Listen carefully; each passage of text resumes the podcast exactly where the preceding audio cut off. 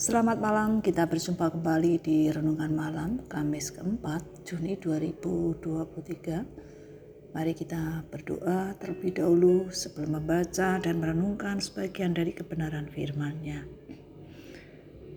Kami mengucapkan syukur ya Tuhan untuk kasih setiamu sepanjang hari ini. Kami mengucapkan syukur untuk anugerah Tuhan yang memampukan kami melewati kehidupan sepanjang hari ini. Bapa, kami memerlukan kebenaran firman yang kami tahu melalui firman-Mu itu kami semakin mengenal Engkau, semakin kami dimampukan untuk mengerti apa yang menjadi kehendak Tuhan dan apa yang Tuhan mau lakukan melalui kehidupan kami. Berbicaralah ya Tuhan, kami siap untuk mendengar firman-Mu. Amin. Mari kita memperhatikan dari Injil Yohanes pasal 10 ayat 17 hingga 18 demikian firman Tuhan.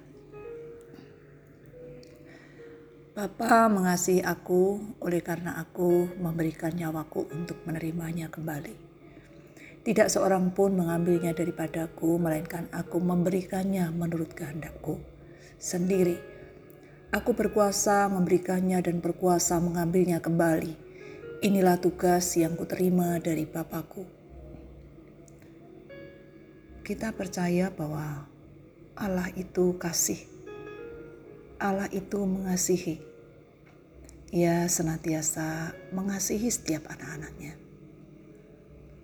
Bukti kasihnya sangat jelas dinyatakan dalam kematiannya di atas kayu salib. Kematiannya itu telah ditentukan oleh Allah Bapa, tetapi setelah mati dia hidup kembali. Tidak ada cara lain untuk menyelamatkan manusia, menebus manusia dari dosa selain melalui kematiannya di atas kayu salib. Allah Bapa menyerahkan kepada Yesus kuasa untuk menyelamatkan manusia. Yesus mengorbankan dirinya, menyerahkan nyawanya untuk menyelamatkan manusia. Ia berkata, "Tidak seorang pun mengambilnya daripadaku, melainkan aku memberikannya menurut kehendakku sendiri. Aku berkuasa memberikan dan berkuasa mengambilnya kembali. Inilah tugas yang kuterima dari Bapakku. Dengan jelas Yesus memberitahukan bahwa pengorbanannya adalah kehendaknya, kematian dan kebangkitannya sudah diberitahukan sudah diberitahukan sebelumnya. Dia menerima, melaksanakan perintah dari Allah Bapa. Semua yang Tuhan Yesus lakukan itu jelas menyatakan ketaatannya kepada Allah Bapa. Tidak ada seorang pun yang dapat memenuhi syarat untuk menggantikan yang Yesus lakukan itu. Dia telah memberikan teladan bagaimana taat sampai mati di kayu salib. Oleh sebab itu, mari kita sebagai orang-orang yang dikasihinya, bersyukur atas kasihnya. Marilah kita juga mengasihi Tuhan dengan mentaati perintahnya. Menceritakan kasih Tuhan yang sudah kita alami melalui perbuatan yang benar, kepedulian terhadap sesama, perhatian pada orang-orang yang berada di sekitar kita dan sebagainya. Ingatlah Tuhan Yesus sudah menyelesaikan tugasnya di dunia ini. Kita sebagai orang-orang percaya juga menerima tugas yang harus kita kerjakan dalam pelayanan kita, dalam pekerjaan kita, keluarga, dan masyarakat untuk menyaksikan, menceritakan betapa besarnya kasih Tuhan yang sudah dinyatakan lewat kematiannya di atas kayu salib itu. orang-orang yang ada di sekeliling kita memerlukan kasih Tuhan, memerlukan keselamatan, dan kita tahu, kita yakin keselamatan itu hanya ada di dalam Tuhan Yesus yang sudah datang ke dalam dunia ini.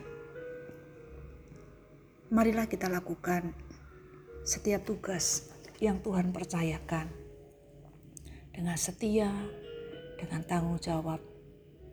Yakinlah bahwa Tuhan memampukan kita untuk melaksanakan setiap hal yang Tuhan percayakan untuk kita kerjakan selagi masih Tuhan memberi kesempatan buat kita masing-masing.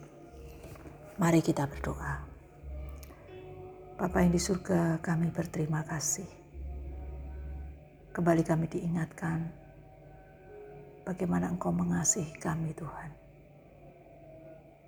Dengan sangat jelas kasih-Mu Engkau buktikan dengan memberikan nyawamu untuk kami orang-orang yang berdosa. Engkau sudah lebih dahulu mengasihi kami. Engkau sudah menyelesaikan tugasmu di dunia ini. Kami yang masih Tuhan berikan kesempatan untuk menjalani kehidupan di tengah-tengah dunia ini. Pakailah kami menjadi alatmu ya Tuhan. Untuk melaksanakan kehendakmu.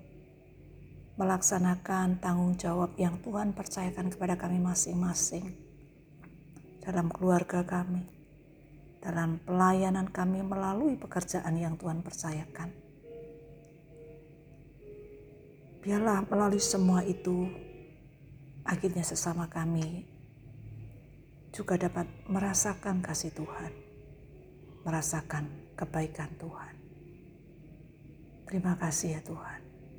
Pimpin dan tolong perjalanan kehidupan kami untuk menyaksikan bahwa Engkau Allah yang mengasihi kami, mengasihi orang berdosa, menyelamatkan orang berdosa.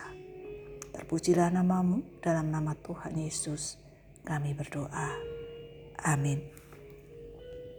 Bapak Ibu sekalian, selamat malam, selamat beristirahat. Tuhan Yesus memberkati. Amin.